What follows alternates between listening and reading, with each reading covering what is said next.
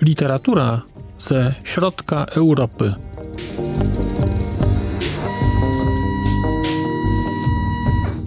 Podcast około książkowy.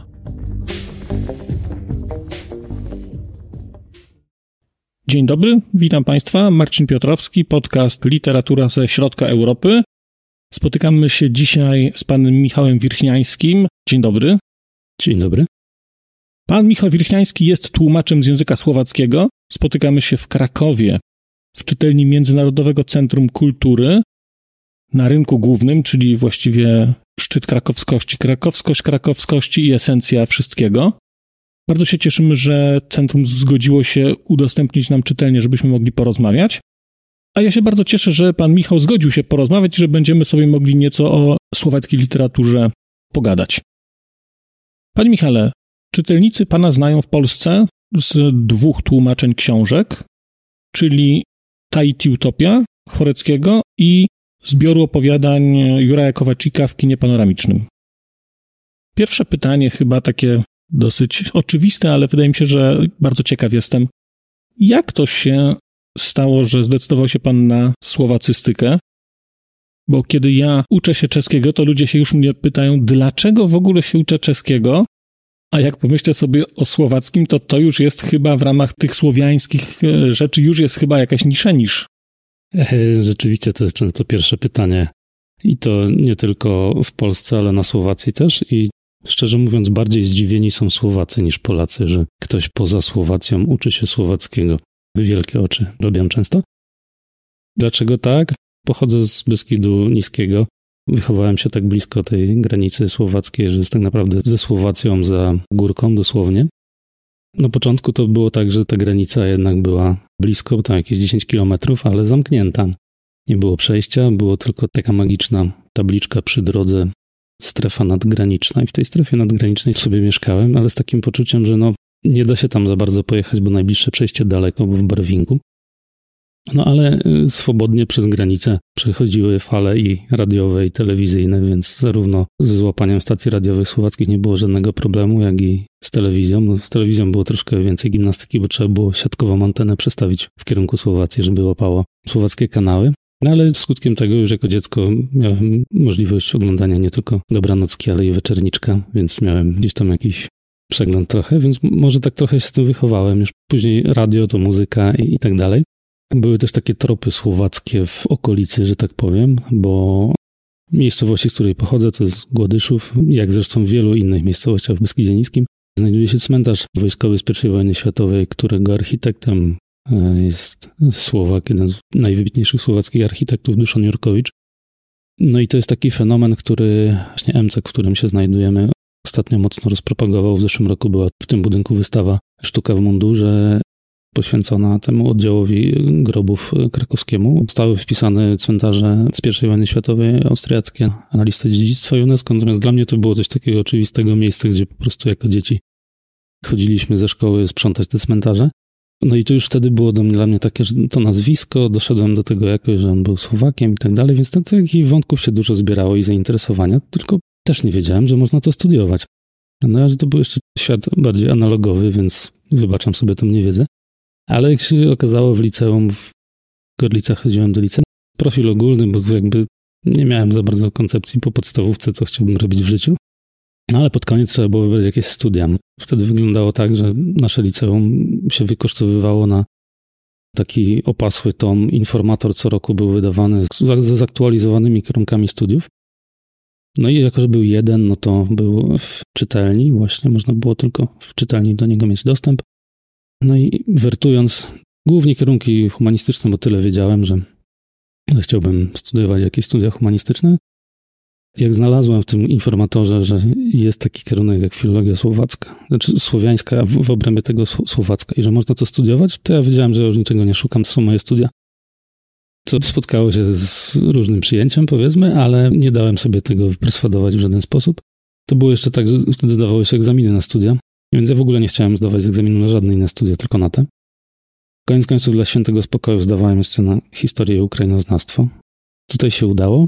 nie jest tak, że to już koniec tej drogi, bo jeszcze mogłem, mogłem zostać bohemistą, mimo braku chęci, bo to było tak, że filologia słowiańska na UJ, Instytut Filologii Słowiańskiej, który zresztą bardzo polecam wszystkim absolwentom szkół średnich. Tak naprawdę filologia słowiańska, pięć filologii słowacka, czeska, bułgarska, serbska i chorwacka. 60 osób, 12 na każdy kierunek się dostaje, no i trzeba było, wpisując się na studia, powiedzieć dwa preferowane kierunki. No i miałem tylko jeden preferowany, słowacki. Pierwsza zapora do przejścia to była pani w sekretariacie, która jakby nie chciała się zgodzić na to, bo mus jest, żeby wybrać dwa, ale mówię, nie chcę żadnego innego. Więc chyba nie wiem, czy skończyło się na tym, że wbrew mojej woli albo bez mojej wiedzy zostało tam dopisany czeski, nie wiem. W każdym bądź razie całkiem nieźle mi ten egzamin poszedł. Kierownik był bohemistą, dyrektor instytutu. Jak przy, przyjechałem po raz kolejny, bo znowu przypominam, że to era analogowa, więc nawet jak już zdałem te egzaminy i po jakimś czasie była informacja, to trzeba było przyjechać na immatrykulację i na te studia się zapisać, to jeszcze przy wpisie w tym samym sekretariacie dostałem propozycję, no ale nie chciałbym pan jednak być bohemistą, bo wie pan, to jednak takie poważniejsze studia. Presja była duża, taka jakby budowa tego prestiżu bohemistyki trwała najlepsze i to też się gdzieś tam zbiera cały czas tego pokłosie. No i powiedziałem, chciałem studiować słowacystykę i tyle, i koniec. Ja byłem od początku, od kiedy wiedziałem, że można studiować słowacystykę, to byłem przekonany, że chcę to robić, no ale jakby gdzieś tam nie była to aż tak może prosta droga.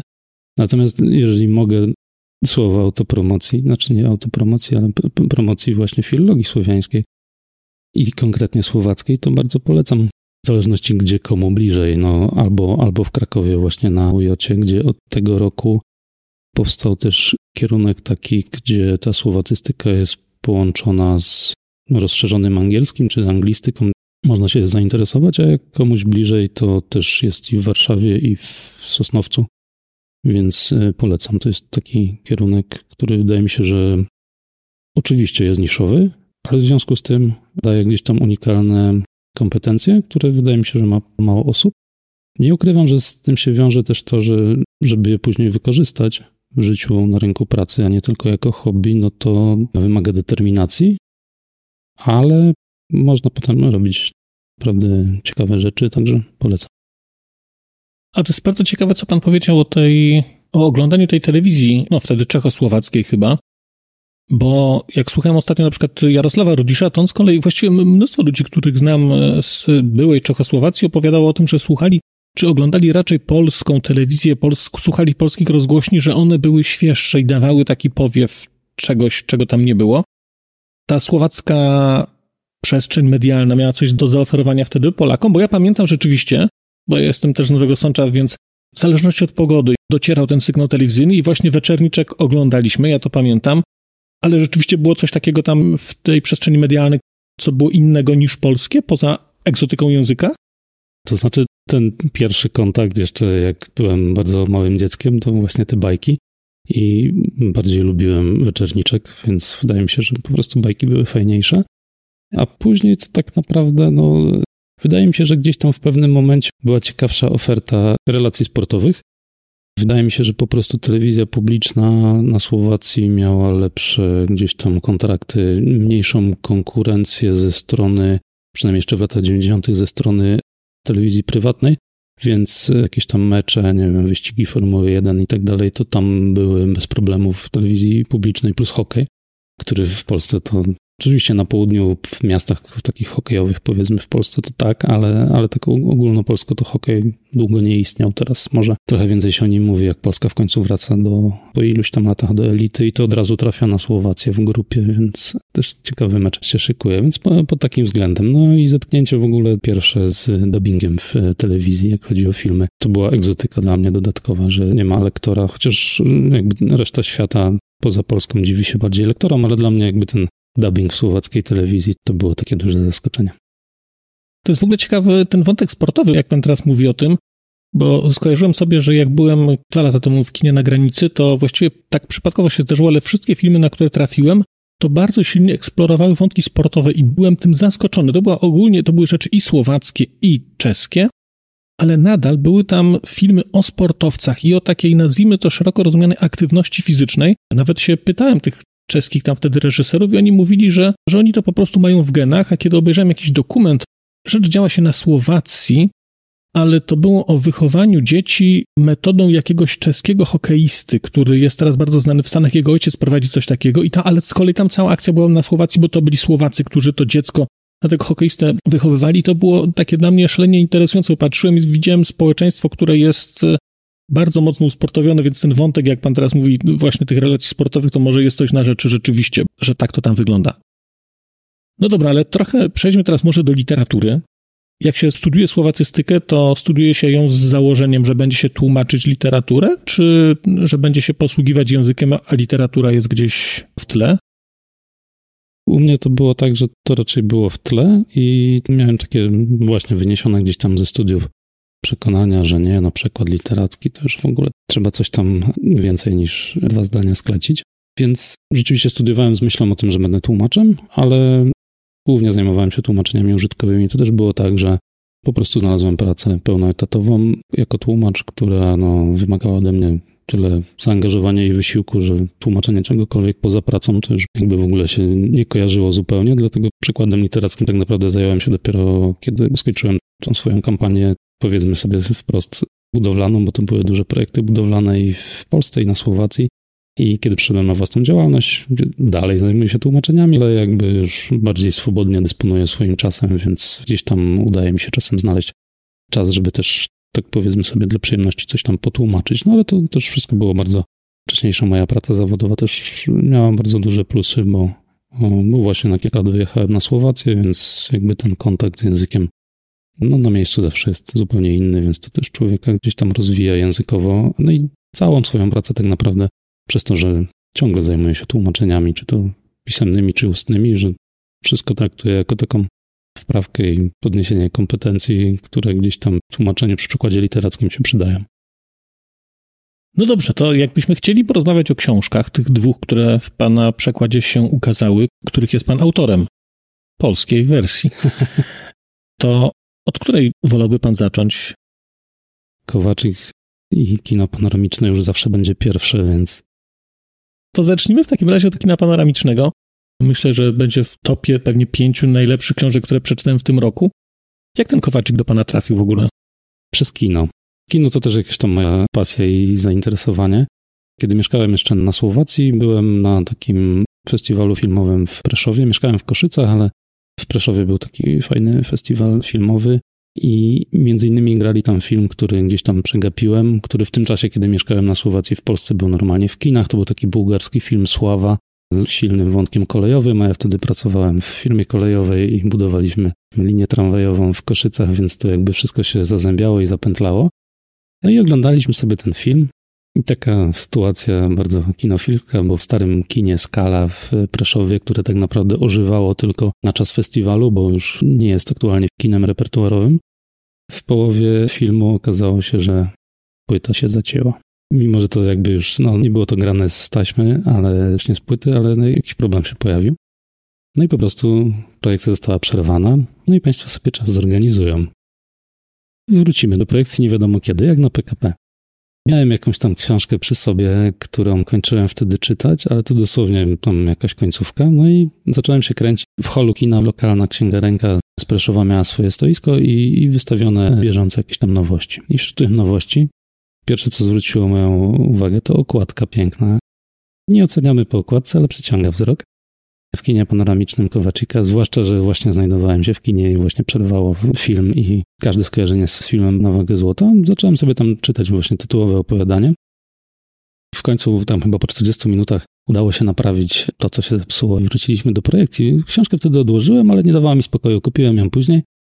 No i stwierdziłem, że okej, okay, to ja może bym przetłumaczył to opowiadanie tytułowe, bo jest o filmie. Jest o filmie, który wtedy to był 2019 rok, to tylko może tak, żeby nie spoilerować, to wtedy była 40. rocznica jego premiery. Myślę sobie, kurczę, może by kogoś zainteresować tym. A też dlatego opowiadanie, że jeszcze wtedy jednak pracowałem, więc nie miałem na etacie, więc jeszcze nie miałem za dużo czasu, więc myślę sobie, no to krótka rzecz, to może się uda wykorzystać. A sam niedużo wcześniej przekonałem się w ogóle do opowiadań. Jako czytelnik y, wznowionego po latach w formie kwartalnika przekroju, No i tak sobie zamarzyłem, że kurczę, ale było super, jakby to kino panoramiczne się ukazało w tym przekroju. Połowicznie się udało, bo udało mi się przekrój przekonać do tego, żeby opublikowali to opowiadanie na swojej stronie internetowej, nie w wersji papierowej, no ale jednak powiedzmy, że w przekroju z, z doklejonym pięknym zdjęciem widowni kinowej, więc to było bardzo fajne, no ale stwierdziłem, no dobra, może się nie udać z tym przekrojem, więc tak profilaktycznie odezwałem się też do innych czasopism, które gdzieś tam opowiadania publikują na swoich łamach. Nie ma ich niestety zbyt wiele, ale tym bardziej chwała im za to, że to robią. A możemy przywołać tutaj, jeżeli jasne, to są? Jasne, zwłaszcza kwartalnik literacki Wyspa. Pani Ewa Tenterenda Orzuk odpisała, że, że no tak, jasne, możemy wydrukować, ale ja już jakby byłem posłowie z przekrojem wtedy, więc mówiłem, że nie, to już nie. A pani Ewa mówi, to co, to może całą książkę wydamy. Przyznałem, że nie myślałem o tym wtedy, ale jak tak zaproponowała, to jasne, czemu nie? To było w którym roku?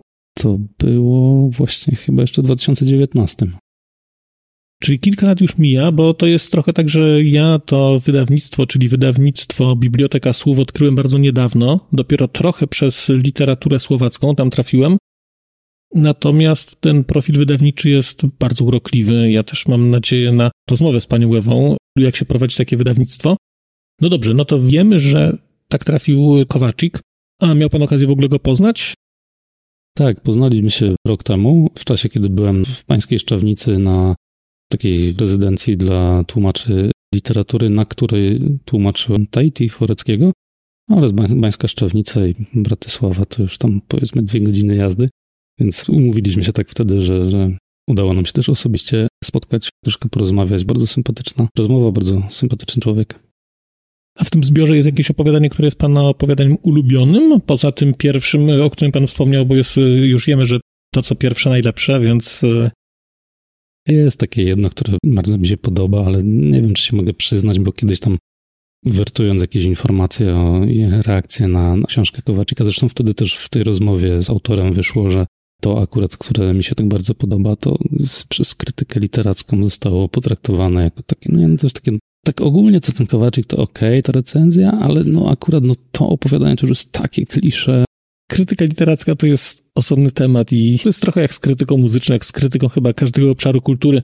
Ja swego czasu y, bardzo się wkręciłem w robienie kawy i oglądałem jakieś tam mnóstwo materiałów, jak dobrze zrobić kawę, jakie są zasady i tak dalej, ale ten, na szczęście ten prowadzący powiedział tak, i to jest wszystko prawda, co mówiłem, tylko na końcu, wiecie Państwo, jest jeszcze jedna zasada.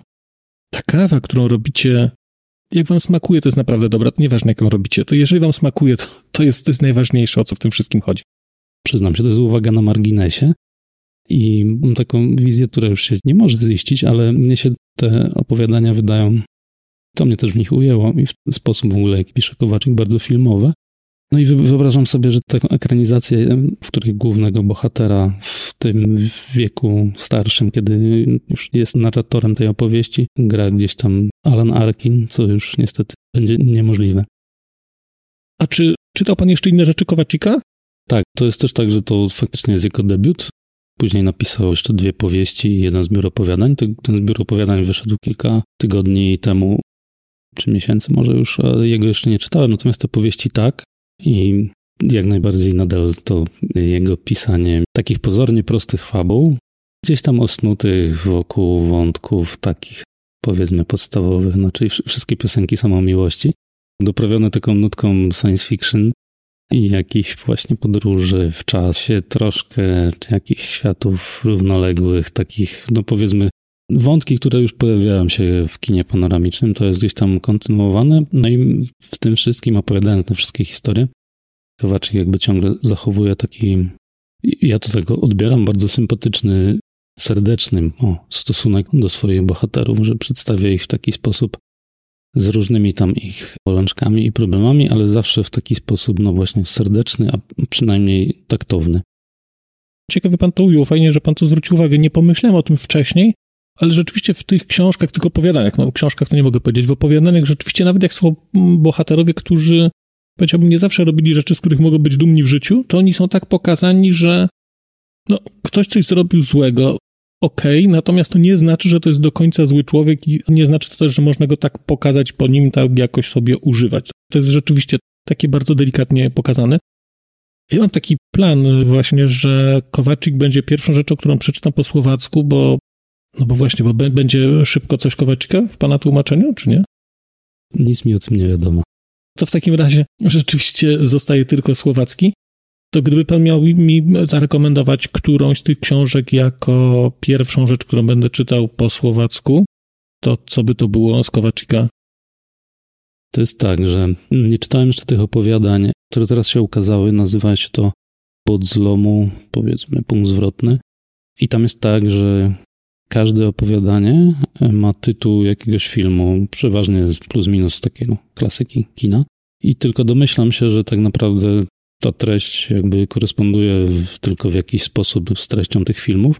Sam jestem tego bardzo ciekaw, ale jeszcze po to nie sięgnąłem. Natomiast wydaje mi się, że to by było o, o tyle dobre na wprawkę, że to krótkie całości. Natomiast z dwóch pozostałych powieści polecałbym tą pierwszą chronologicznie, że tak powiem, czyli wszystkie jego swety, wszystkie jego światy. No i to jakby zdradza już wiele, jeżeli ma pan w pamięci to, co spotykało, e, jakie rozwarstwienia czasoprzestrzeni spotykały bohaterów niektórych opowiadań kina panoramicznego, to można się domyślić, o czym będzie rzecz. I właśnie dokładnie taka jest ta książka i ją bardzo polecam. No mi się właśnie w kinie panoramicznym chyba najbardziej podobało takie niedopowiedzenie, bo te rzeczy nie są domknięte, to jest tylko no, taka przyprawa, którą właściwie można sobie poskładać, czy poczuć ją wtedy, kiedy się chce, ale ten wątek takiego postmodernistycznego jednak porozkładania tego na różnych wymiarach i trochę zostawienia czytelnika z tym, jak sobie to poskładać jest bardzo urokliwy, więc wierzę, że jak tamta jest książka w podobny sposób napisana, a jest to być może cecha pisarstwa po prostu Kowaczyka, no to tylko się cieszyć. No i też wydaje mi się, że ja to tak odbieram, może sobie to nadinterpretuję, ale ostatnie zdanie z tego zbioru w kinie panoramicznym to jest bezpośrednie przejście do tej kolejnej książki Wszystkich Oswety.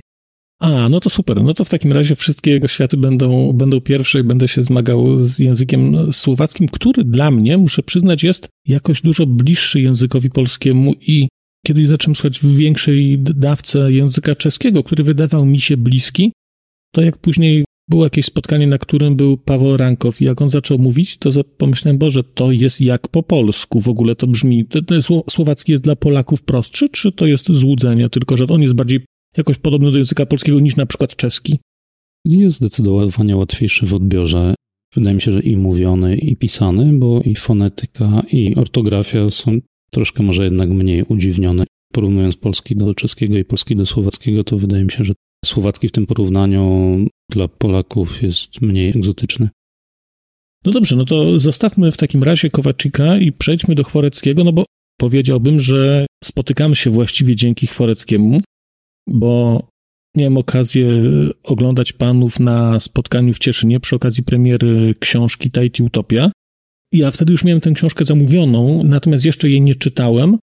No i przyznam, że to była taka dla mnie w ogóle bardzo otwierająca książka i też szansa na oglądanie panów interakcji, to też było ciekawe. No i w ogóle postać sama Michala Chworeckiego też fascynująca, znaczy człowiek, który no, gawędzi w sposób cudowny, w ogóle opowiada i ma też taki dla mnie miał bardzo ciekawy stosunek do relacji czesko-słowackich, no ale pominimy. Czy Chworecki to też była pana inicjatywa, jeżeli chodzi o przekład, czy to już było pytanie z biblioteki słów? Nie, to też była moja inicjatywa. I to konkretnie ta książka. Chworecki pisze od dawna, już chyba przeszło 20 lat. I też akurat nie jest, co o niewielu osobach to można powiedzieć, nie jest autorem nieznanym w Polsce, bo ukazała się chyba w 2002 roku zbiór jego opowiadań. To jest wybór z dwóch pierwszych jego debiutanckich zbiorów opowiadań i to się nazywało po polsku w misji idealnej czystości bodajże. I od tego czasu Worecki napisał kilka powieści i zbiorów opowiadań, ale mnie chodziło stricte o to Tahiti, bo ono też w tym momencie gdzieś tam, to jak mówię, też ja wtedy rozglądałem się za czymś, bo wiedziałem, że w końcu przechodzę na własną działalność i może będę troszkę bardziej panem swojego czasu i uda mi się coś tym przykładem literackim zrobić. I zarówno przy Kowaczyku, jak i przy Chworeckim motywacja moja była taka i tych wyborów, żeby za pośrednictwem przekładu gdzieś tam umożliwić odbiorcom w Polsce, którzy nie czytają po słowacku, te same albo przynajmniej zbliżone wrażenia czytelnicze, z czym one są zupełnie różne. W przypadku Kowaczyka to chodziło stricte o tą opowieść, sposób jak on opowiada, o czym opowiada. Natomiast w przypadku Tahiti chodziło mi konkretnie o tą historię, z dwóch powodów. Raz, że bardzo podobało mi się, że ktoś na Słowacji wymyślił tak bardzo zakręconą e, fabułę i wersję historii alternatywnej, a sam jako czytelnik wtedy gdzieś tam czytałem tego typu książki z w ogóle zupełnie innych kręgów kulturowych, gdzieś tam anglojęzyczne i stwierdziłem, że a, czemu w Polsce nie można było przeczytać o tym? Spotkałem się gdzieś tam z takimi opiniami, że nie, że to jednak to zbyt zamknięte, hermetyczne i w ogóle nie do odbioru. Ale tłumaczyłem to sobie tak, że no nie, no przecież to w takim razie przy okazji będzie to i wydaje mi się, że to faktycznie tak działa. Zachęta do tego, żeby poznać tą prawdziwą historię Słowacji i żeby dowiedzieć się, co jest z myśleniem, a co istnieje rzeczywiście. A też łatwiej może troszkę mi było przekonywać, bo chwilę wcześniej ukazało się UFO nad Bratysławą, w którym Weronika Gogola w jednym z rozdziałów eksploruje te słowacko-taitańskie związki. Między innymi jest tam informacja o książce Chworeckiego, więc stwierdziłem, że nie, no proszę, przepraszam, to już jest świetne wprowadzenie dla polskich czytelników. No to rzeczywiście muszę przyznać, że to się udało i w ogóle mam wrażenie, jak pan mówi tutaj o tym, że te wątki gdzieś są odległe i że ludzie ich nie znają, czytelnicy w Polsce, ale w ogóle Polacy, no to muszę powiedzieć, że tak. Ja na przykład mam wrażenie, że dosyć się interesuję historią II wojny światowej, a na przykład o słowackim powstaniu narodowym dowiedziałem się z książki Dom Głuchego. Nie miałem o tym pojęcia. Mam wrażenie, że ta Słowacja jest w ogóle nieobecna w takiej polskiej rozmowie o historii. Tego po prostu nie ma. Jeszcze Czechy, chociażby przez Zaolzie są obecne, a Słowacja no to po prostu nie bardzo. I kiedy słuchałem panów rozmowy, to uświadomiłem sobie właśnie, że nie wiem, co mnie najbardziej pociągało, czy to, o czym jest książka jako o historii alternatywnej, czy postać Stefanika, który jest tutaj tak naprawdę pokazany i mam wrażenie, że no, chciałbym się mylić, ale wydaje mi się, że dla większości czytelników to będzie po prostu odkrycie w ogóle postaci Stefanika. Pan się spotkał do tej pory z tym, że w ogóle ktokolwiek z Polaków poza słowacystami czy bohemistami Stefanika kojarzył? To jest takie e, bolesne pytanie dla każdego słowacysty. Dlatego wolę nie pytać znajomych o takie rzeczy, żeby mi nie było przykre, że nie wiedzą. Ale troszkę łącząc wątki naszego spotkania, miejsca, w którym się odbywa i całej tej wiecznej, mam wrażenie, niewiedzy polskiej o Słowacji, w tym samym miejscu i w tym samym budynku, jak w pierwszym roku studiów byłem, to był 2004 rok, E, Międzynarodowe Centrum Kultury, które jest w ogóle chyba placówką, której należy się jakiś medal za promocję Słowacji w Polsce. W, oprócz tego, że w ogóle wątki środkowoeuropejskie wykorzystuje w swojej działalności, no to, no to promocja Słowacji super. No i w 2004 roku zrobili taką olbrzymią, na szeroką skalę zakrojoną konferencję pod tytułem Kim są Słowacy? I ona była o wielu motywach z historii kultury słowackiej, Wtedy jakby tą tezą było, że ta Słowacja jest w Polsce nieznana, należy postawić pytanie w ten sposób, kim są ci Słowacy i opowiedzieć o tym. No i mija 20 lat, jesteśmy w tym samym miejscu i możemy zadać sobie to samo pytanie.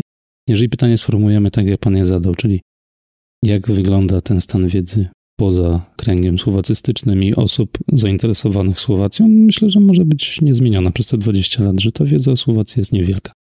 To, że ludzie jeżdżą na Słowację turystycznie, to jakby turystyka w ogóle jako ruch taki turbokapitalistyczny niespecjalnie się przekłada na poznanie jakiejś wiedzy. No niestety obawiam się, że do mniejszości należą ludzie, którzy jadą na Słowację po to, żeby, nie wiem, pójść na jakiś, może światłym wyjątkiem pochoda, ale to festiwal akurat muzyczny, bardziej tak myślę odbierany międzynarodowo, ale żeby zainteresować się jakimiś wydarzeniami kulturalnymi słowackimi, czy żeby zgłębić wiedzę swoją o Słowacji poza, nie wiem, góry, jaskinie i jakieś tam termy. Ale to wie pan, mam wrażenie, że to nie jest y, przypadek tylko Słowacji, bo odkryciem moim literackim roku zeszłego była Rumunia i literatura rumuńska. I wydawało mi się, że jednak będzie w Polsce łatwiej, no bo mam mnóstwo znajomych, mnóstwo osób jeździ regularnie do Rumunii. Są Rumunią zachwyceni, ale jest to rzeczywiście zachwyt, y, powiedziałbym, jakiś kolonialny, to znaczy wszyscy doceniają tam jedynie to, że jest ładnie i są mili ludzie i nie idzie za tym żadna refleksja na temat historii, żadna refleksja na temat tego, co się tam wydaje, o czym się tam pisze, o czym się tam mówi. To jest dla mnie niesamowite, że można tak bardzo oddzielać te rzeczy, więc wydaje mi się, że Słowacja jest w podobnej sytuacji, to znaczy ładny kraj, który jest przykryty przez swoją urodę i właściwie nie mamy potrzeby sięgać głębiej, no bo, no bo po prostu jest miło, jest przyjemnie.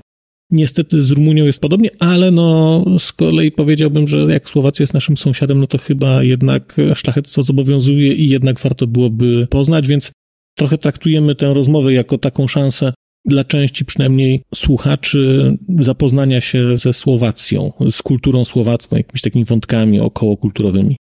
Ja też tak właśnie do tego podchodzę, że jakby każda minuta i każda szpalta poświęcona na to, jak bardzo Polacy nic nie wiedzą o Słowacji, to czas stracony. Po prostu warto mówić, pisać o tym i wydaje mi się, że zainteresowanie jest i tak naprawdę wystarczy gdzieś tam dać możliwość tym ludziom, którzy są ciekawi świata, żeby mogli sięgnąć po taką książkę, obejrzeć film, pójść na koncert, zawsze czegoś więcej się o Słowacji dowiedzieć.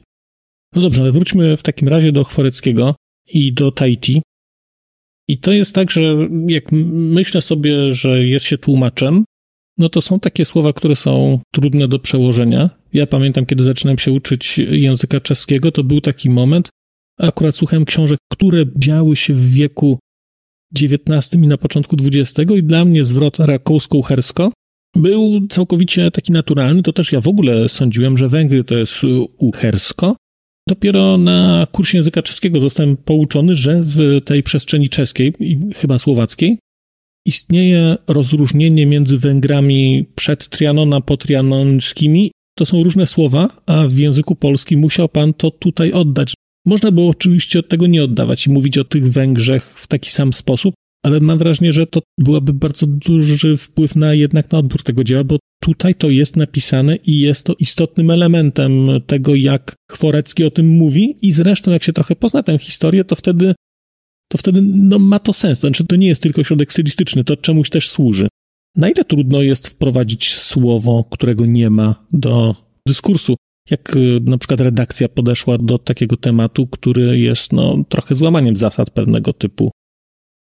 To jeszcze tak, jeszcze bym tylko uzupełnił, że oprócz czeskiego i słowackiego, to takie samo e, analogiczne rozróżnienie funkcjonuje w językach południowo-słowiańskich. No i tak e, łatwo to sobie wytłumaczyć, że jest to pokłosie doświadczenia historyczne odzwierciedla się w języku, bo wszystkie te kraje, te narody jakby mają doświadczenie oprócz Czechów jakby uczestnictwa w tym organizmie państwowym.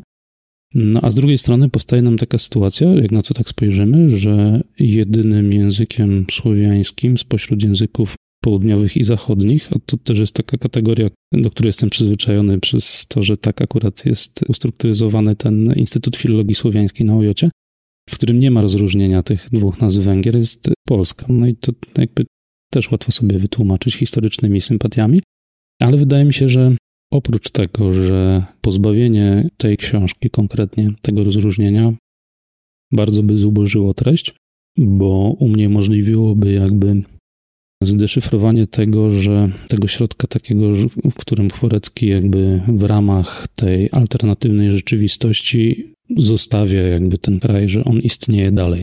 Tego by się nie dało bez tego oddać, więc to tak naprawdę dla mnie wprowadzenie tego Uorska to była jedyna strategia możliwa.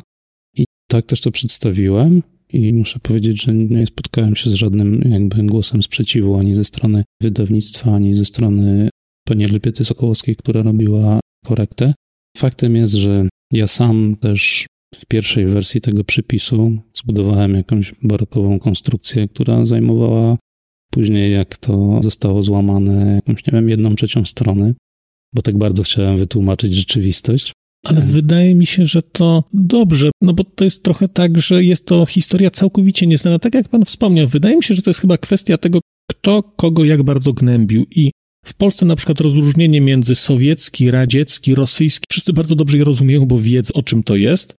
No a te kraje, które, że tak powiem, były częścią węgierskiej części tego cesarstwa, no to nie przez przypadek chyba jest tak, że, że mają osobne słowo właśnie na określenie tego, jak było wcześniej, a jak się to zmieniło. Oczywiście, no bo to chodzi o też o podejście do własnej historii, do utożsamienia się z tym w takim ujęciu dychotomicznym, że te, jakby to uhorsko i madziarsko to były różne byty.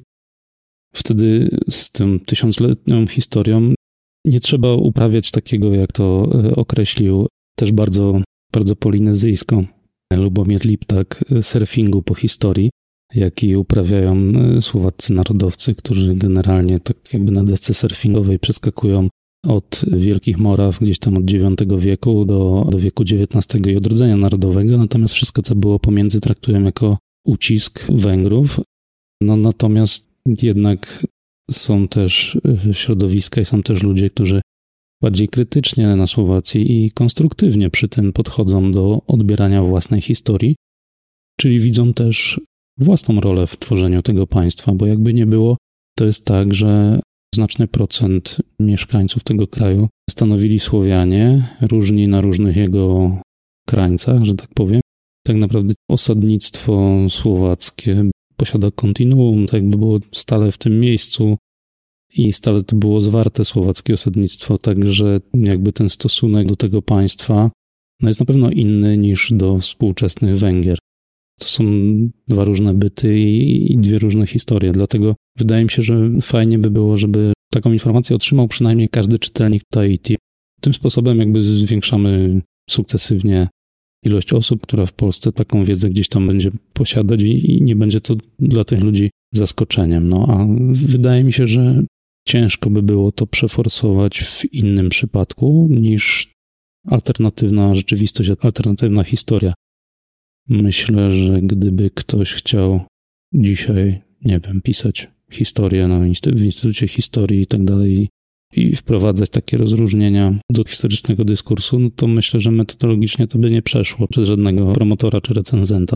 Tym bardziej czułem się zobowiązany do tego, żeby taką szansę, jaką daje ta IT, wykorzystać, żeby tak, przez taką furtkę tą wiedzę gdzieś tam przemycić.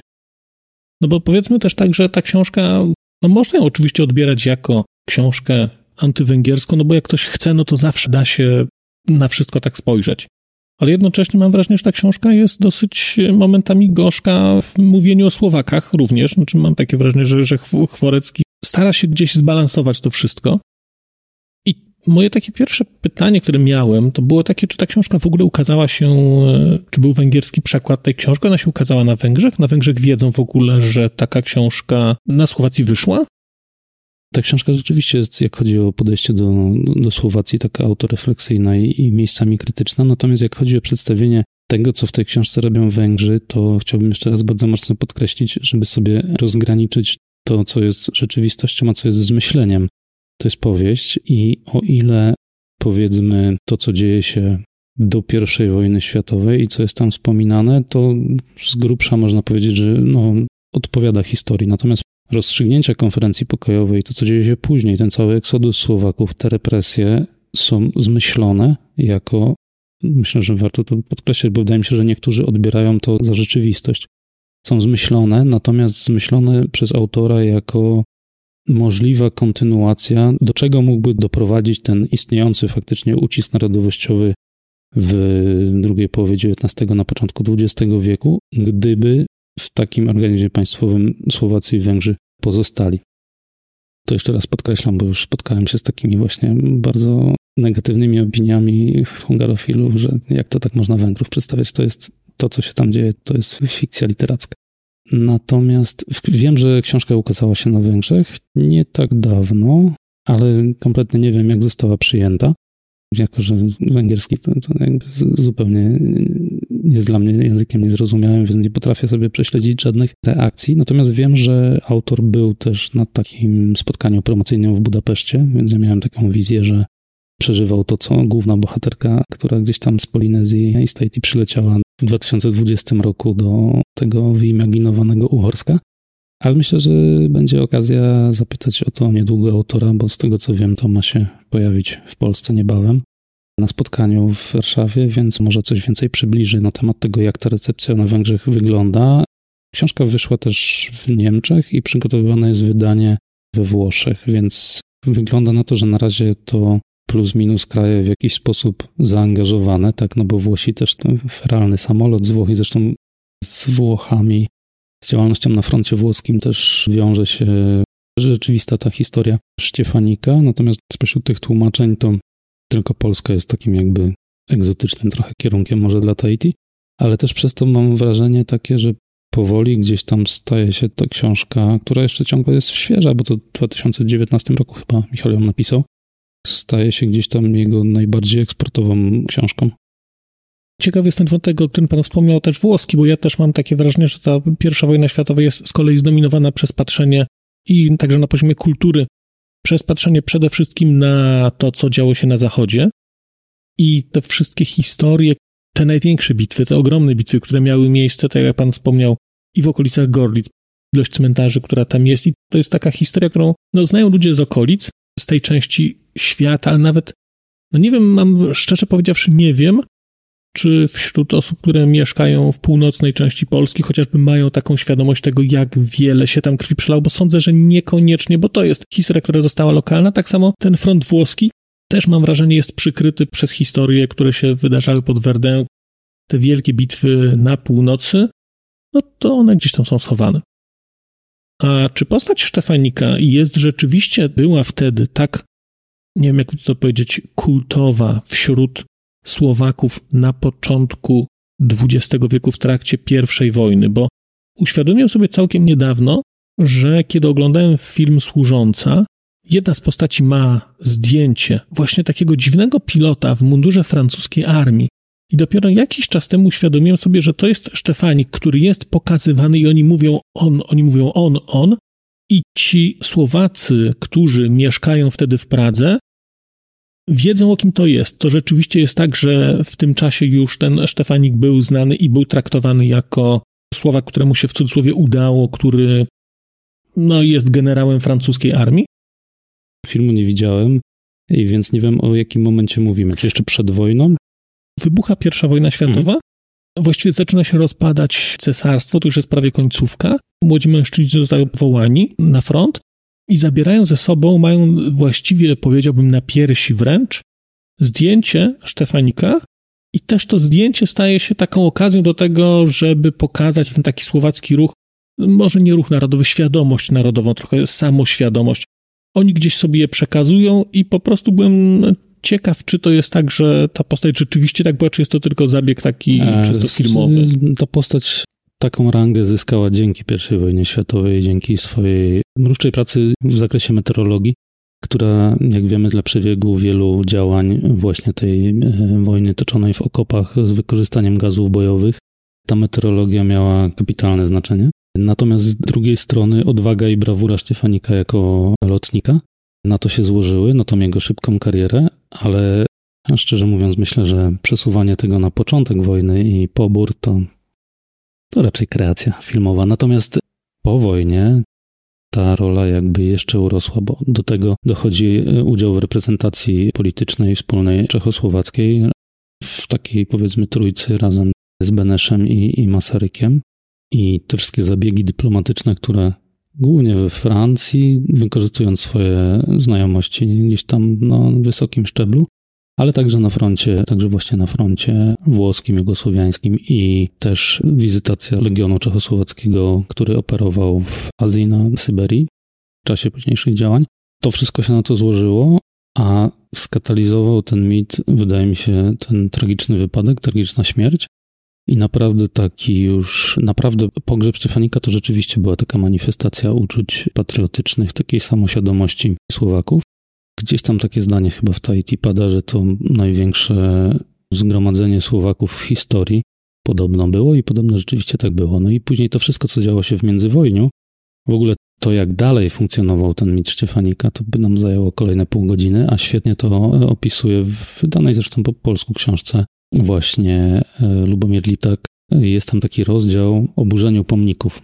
Cała historia jakby odbioru Szczefanika od tego, jakim wielkim bohaterem narodowym tak naprawdę był w międzywojniu i to, że drugi raz powiem nazwisko teraz Duszana Jurkowicza, który właśnie w czasie I wojny światowej te cmentarze wojskowe gdzieś tam projektował, dalej rozwinął taki, no powiedzmy, słowacki styl narodowy w architekturze, więc był naturalnym wyborem na twórcę tego monumentalnego pomnika na Bradle, na szczycie góry takiej ponad 500 metrów wśród gór, w okolicach, z których, z których Szczefanik pochodził, gdzie w pobliżu jest miejscowość Koszariska, w której się urodził, w której też można zobaczyć masę rekwizytów, które w jakiś sposób uzupełniają lekturę Tahiti. Ja miałem ten komfort, że właśnie z tej bańskiej szczawnicy w czasie pobytu na ten jeden weekend pojechałem sobie na taką objazdówkę i między innymi tam widziałem właśnie dokładnie zdjęcie jego w tym kombinezonie, zdjęcie wykonane przed samym lotem.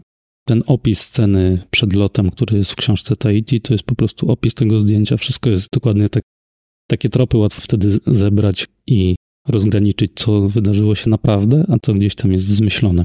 Natomiast właśnie to długo by zajęło, ale później ten Szczefanik musiał ustępować władzy jakby cały czas, bo za bardzo się kojarzył z Czechosłowacją, więc jak powstało państwo słowackie, satelita Hitlera, klerofaszystowskie państwo, nie został jakby całkiem wyrugowany, ale jakby nagle się okazało, że on to w sumie nie był Czechosłowakiem, tylko bardzo się nie lubił z tym Beneszem. Jakieś tam realne ich konflikty zostały tak bardzo mocno podkreślone.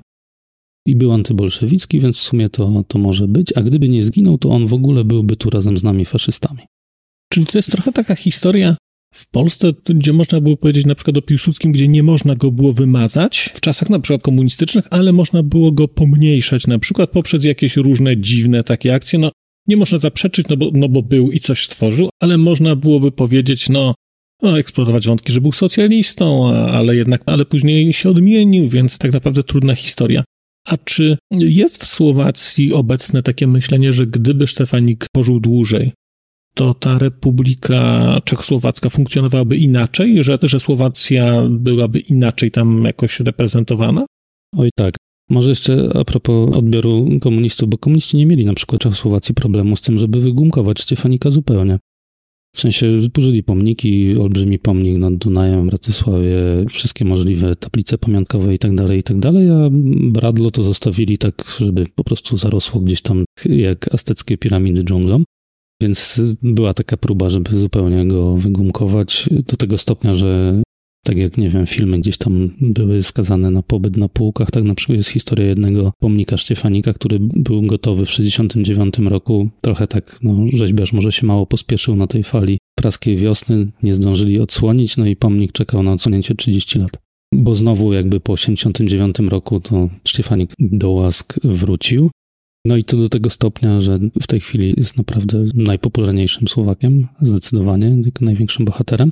Natomiast to, co pan pytał, to niestety jest, znaczy niestety, po prostu jest tak, że różne środowiska bardzo różnie to oceniają i ta śmierć Stefanika jest po pierwsze zarzewiem wielu teorii spiskowych, tego kto chciał się go pozbyć i dlaczego. I jest takie mocne przekonanie, że w wielu środowiskach, że ta Czechosłowacja, gdyby Stefanik przeżył, to byłaby bardziej może, że Słowacy mieliby w niej lepsze miejsce, lepsze warunki i tak dalej, i tak. Natomiast wydaje mi się, że też w taki sposób to przedstawia Chworecki, że ciężko tak jednoznacznie gdybać. Oczywiście, że no, Słowacy to jakby stracili taką postać zasłużoną i, i rozpoznawalną na arenie międzynarodowej, bo trzeba tak powiedzieć o Szczefaniku, ale niektóre poglądy, które miał na temat tego, jak miałoby wyglądać państwo czechosłowackie już w czasach pokoju, no myślę, mocno rozmijały się z tym, jak naprawdę wyglądało. No, często w tej środkowej Europie Czechosłowacja w okresie międzywojennym jest stawiana za wzór jakby cnót demokratycznych, traktowania mniejszości itd., tak itd. W porównaniu ze swoimi sąsiadami. U Szczefanika, jakoż był wojskowym, miał zapędy mocno autokratyczne. On jakby miał, to w książce jest to tak pokazane, że miał taką wizję, że jak to restytuowana zostanie monarchia i korona świętego Wacława będzie znowu lśnić na czyjejś głowie. No więc wydaje mi się, że to no, mocno nie przystawało do tych prądów, które już w międzywojniu były aktualne, więc są takie głosy, że oczywiście na pewno Czechosłowacja wyglądałaby inaczej, gdyby Szczefanik nie zginął, ale czy to byłoby takie czarno-białe i czy to można tak łatwo sobie wyjaśnić z dzisiejszego punktu widzenia, to nie sądzę i wydaje mi się, że też o tym jest w ogóle Tahiti, że alternatywną wersję historii Słowacji pokazuje nie po to, żeby powiedzieć, że tak było albo tak może być, tylko że istnieją pewne mechanizmy, które gdzieś tam tą historią sterują i że nie zawsze jest to taka podróż wprost z punktu A do B. Nie można sobie takich projekcji, wydaje mi się, w sensie można sobie robić takie projekcje na przeszłość, ale bardziej jako ćwiczenie takie wyobraźni i tego, co by mogło być, a co nie jest. Po to także, żeby docenić to, co jest. No Michał Tworecki tak to przedstawia, że jak mimo wszystko z punktu widzenia tej historii łaskawie obeszła się ze Słowacją historia w XX wieku. No, ja też mam takie wrażenie, trochę jak pan wspomniał o tym, że ta Czechosłowacja była taką ostoją demokracji, trochę jest takie postrzeganie w ogóle w okresie międzywojnia.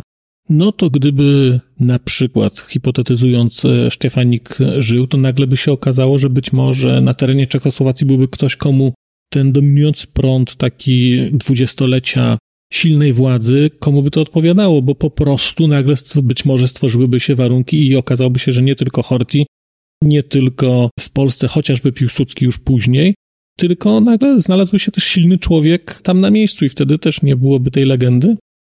A drugą refleksję, którą miałem trochę, jak myślałem sobie o tej roli dla narodu, takiego ojca narodu trochę, i o tej katastrofie, no to bardzo silnie jednak wydaje się, że można by to było powiązać z rolą generała Sikorskiego w Polsce i teorią spiskowym związanym ze śmiercią w Gibraltarze i też taki moment odejścia w trakcie wojny i też oczekiwanie, jak wyglądałaby Polska, jak wyglądałaby Jałta w roku 45, gdyby jednak, gdyby był głos Polski słuchany w postaci Sikorskiego, a nie kogoś, kto nie miał takiego poważania u, u aliantów, więc wydaje mi się, że te wątki jednak bardzo podobnie wybrzmiewają i tu, i tu. Ja mam takie wrażenie, że to są bardzo podobne kraje jednak tak, tak gdzieś mentalnościowo. I to tutaj też zapytałbym, czy pan to widzi, czy na przykład rzeczywiście na poziomie takiej mentalności Polakom jest bliżej do Słowaków na przykład niż, wiem, do Czechów? Oczywiście nie mówimy o tym, że ma być coś tożsame, no bo to są jednak różne kraje, miały różne historie, ale jest jakaś różnica? Gdzieś jest bliżej Polsce, Polakom? Przyznaję, że niechętnie generalizuję w taki sposób, dlatego też staram się też odpowiadając na te pytania podkreślać, że sami Słowacy i do własnej historii też mają różne podejście, w sensie, że są jednak różne środowiska na Słowacji, które różnie to odbierają. Wydaje mi się, że tak w przysłowiowych, bardzo grubych liczbach można powiedzieć, że tak faktycznie jest, że gdzieś tam na jakimś bardzo ogólnym poziomie, porównując sąsiadów, tak jak, no nie wiem, powiedzmy, jak mówiliśmy o tym języku czeski, a słowacki, no to siłą rzeczy Polakom jest bliżej do Słowaków niż do Czechów. Oczywiście nie mówiąc o sąsiadach germańskich, tylko już jakby pozostając w obrębie tym słowiańskim. Natomiast mimo tej bliskości, to cały czas są takie dwie bliskie osoby odwrócone do siebie plecami, moim zdaniem. I nie wiem, czy wiecznie można to zrzucać na dział, e, w sensie dział Karpat, w sensie, że, że to Karpaty dzielą. Podobieństwo jest rzeczywiście w wielu, wielu kwestiach, no ale tutaj, jak mówię, to są rzeczy bardzo ogólne i nie lubię wysnuwać jakichś takich stwierdzeń, że w takim czy innym względzie Polacy są podobni do Słowaków, bo to już jest dla mnie gdzieś tam za duże uogólnienie, które więcej zaciemnia niż oświetla, bo tak jak patrzymy na Polskę, no Polska jest bardzo zróżnicowanym krajem i są różne środowiska, różne światopoglądy i na Słowacji jest tak samo, że różni Słowacy różnie widzą swoją historię, swoją misję dziejową i przyszłość. Tak mi się wydaje, że to gdzieś tam na tym etapie te podziały, oprócz oczywiście języka, który jest środkiem komunikacji, to wydaje mi się, że te podziały dzisiaj łatwiej zarysować światopoglądowo niż wysnuć jakąkolwiek paralelę, że Polacy to to, a Słowacy to tamto. Na początku ciekawie powiedział Pan o swojej roli trochę jako osoby budującej mosty, powracając do tego, o czym powiedział Pan dosłownie przed chwilką, żeby ci ludzie, no nie to, że się zwrócili do siebie twarzami, ale żeby tak chociaż zauważyli swoją obecność i żeby nie stali do siebie plecami. Y, no to pracuje Pan jako tłumacz, tłumacz literacki, ale nie tylko. I teraz co dalej? To znaczy, czy możemy się spodziewać z Pana strony kolejnych przekładów literackich rzeczy? Coś się tłumaczy? Jakieś książki? Coś, co można przeczytać? O czym można powiedzieć? Bo być może nie można powiedzieć? Znaczy tak, y, najpierw bardzo mi się podoba ta metafora z mostami, bo kilka lat naprawdę budowałem mosty, bo pracowałem w kilku firmach budowlanych i ostatnie trzy lata tej kariery budowlanej to były właśnie stricte mosty. Ale jak chodzi o jakieś nowe rzeczy, to ja w tej chwili przyznaję się bez bicia, że Jakieś tam pomysły mam, ale niczego konkretnego na warsztacie nie. Też dlatego, że po prostu jakoś ostatni rok w końcu, że tak powiem, lepiej się biznesowo układa, czyli więcej gdzieś tam tych tłumaczeń, nazwijmy to komercyjnych, jest i nie do końca za dużo czasu zostaje, ale myślę, że coś tam może długie jesienne i zimowe wieczory przyniosą. Natomiast nie jest to nic skonkretyzowanego, więc nie chciałbym ani spoilerować, ani obiecywać, bo to od pomysłu do realizacji w przypadku wydania czegoś to daleka droga. Ale z tego co wiem, to zajmuje się pan tłumaczeniami nie tylko literackimi i nie tylko takimi, no nie wiem jak to powiedzieć, użytkowymi, ale też tłumaczy pan na przykład filmy. I pytanie jest takie, gdzie można oglądać filmy, które pan tłumaczy? No bo jak pan tłumaczy te filmy, robi te podpisy, no to nie wiem, na głównych platformach streamingowych na przykład rzeczy słowackie można znaleźć? Jak, po, jak oglądać w ogóle rzeczy, jakby ktoś chciał pooglądać sobie, nie wiem, czy kino słowackie, czy słowackie seriale, to gdzie to można znaleźć? Ja od 10 czy więcej lat y, współpracuję z przeglądem cieszyńskim Kino na granicy. No i to jest najlepsze miejsce, gdzie można się zapoznawać z kinematografią słowacką. Nie zawsze to jest w Polsce, często to jest w Czechach, bo w kinie Central, a to z tej prostej przyczyny, że inaczej wyglądają wtedy kwestie dystrybucyjne, bo jakby problemem często jest organizowanie takiej projekcji po polskiej stronie. Natomiast to jest takie miejsce, gdzie rzeczywiście można i warto pojechać i w pigułce z kinem słowackim się zapoznać. No to dlatego, że ta dystrybucja taka repertuarowa w kinach niestety słowackich filmów niemalże nie istnieje, bo w ciągu ostatnich 10 lat to były chyba trzy filmy. Niestety, tylko.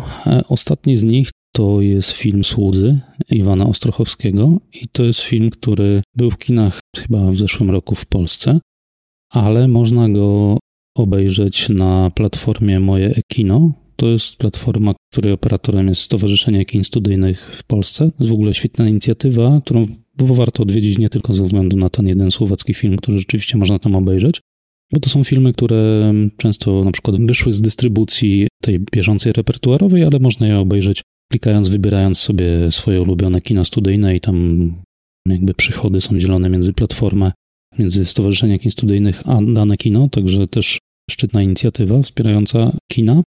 Poza tym to kilka lat temu był film Uczycielka, który jest produkcji słowackiej, ale tak naprawdę ma czeskiego reżysera, więc wydaje mi się, że w Polsce był dystrybuowany głównie ze względu na tą postać tego czeskiego reżysera, który nie dostał pieniędzy od producentów czeskich, więc zrobił film słowacki.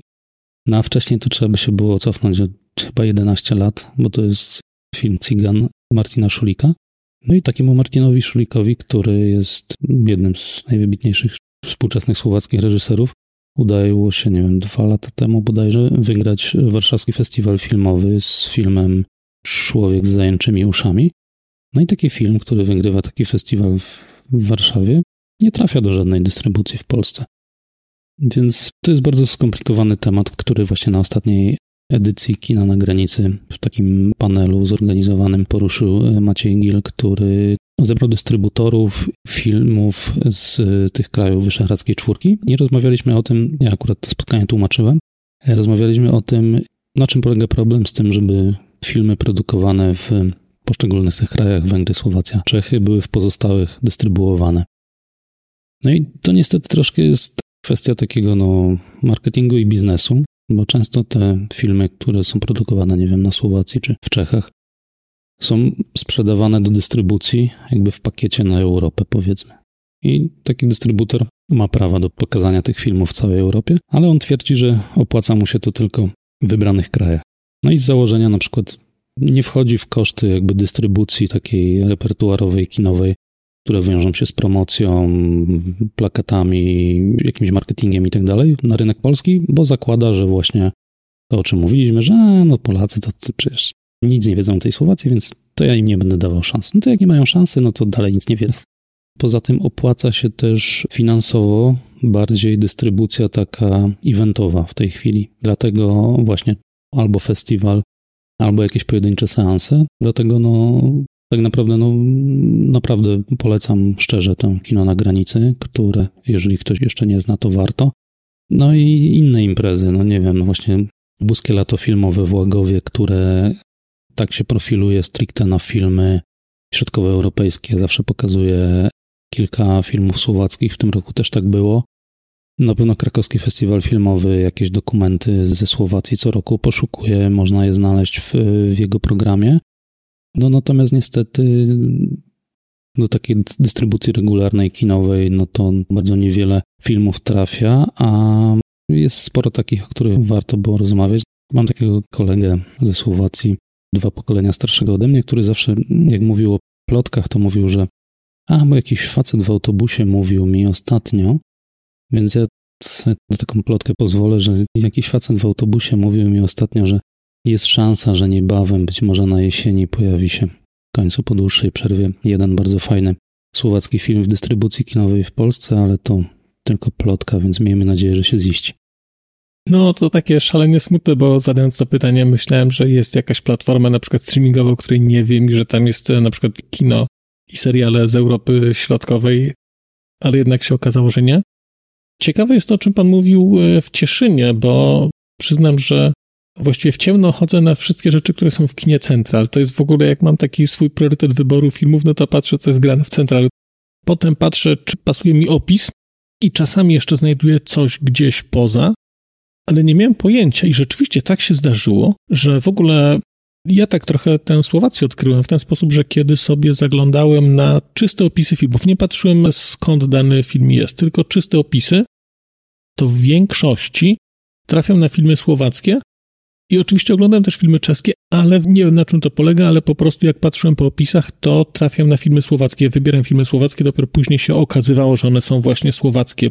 Więc może coś jest w tej kinematografii takiego, natomiast nie miałem pojęcia o tym, że to, że one są w kinie Central, to z powodów dystrybucyjnych jakichś takich, ale z kolei bardzo się cieszę, bo tym kinem Central to też powiedzmy, akurat to jest takie kino, gdzie zawsze są właściwie dyskusje po filmie, a chyba prowadzi to e, szef festiwalu na część czeską, więc... Martin Nowosad.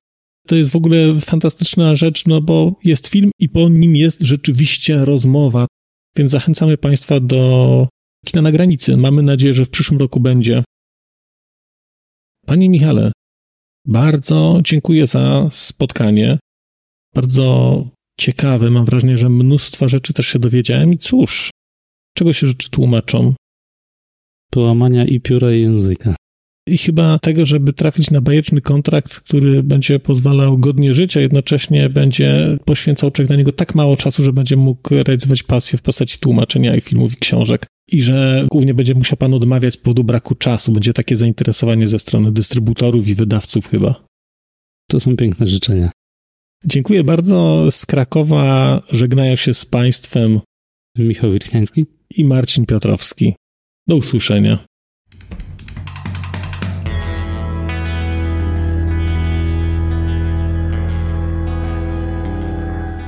Bardzo dziękuję Państwu za wysłuchanie tego odcinka, bo skoro jesteście w tym momencie, to znaczy, że wysłuchaliście go do samego końca.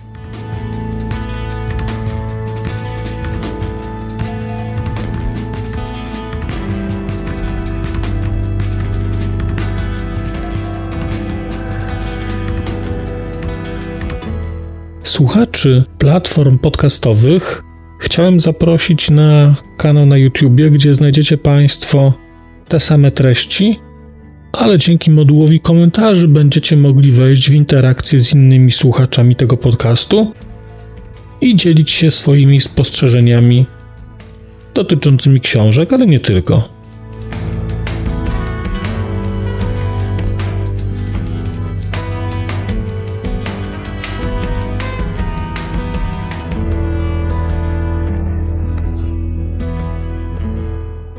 Oprawa muzyczna tego odcinka została zrealizowana na bazie muzyki słowackiego zespołu Longital.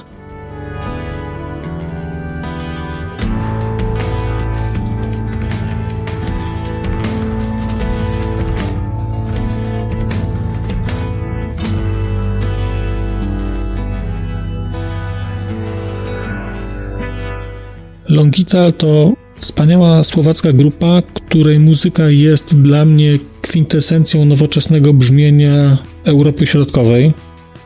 Bardzo Państwa zachęcam do posłuchania tego zespołu i chciałem podziękować Shinie i Danielowi, że zgodzili się na wykorzystanie ich muzyki w moim podcaście.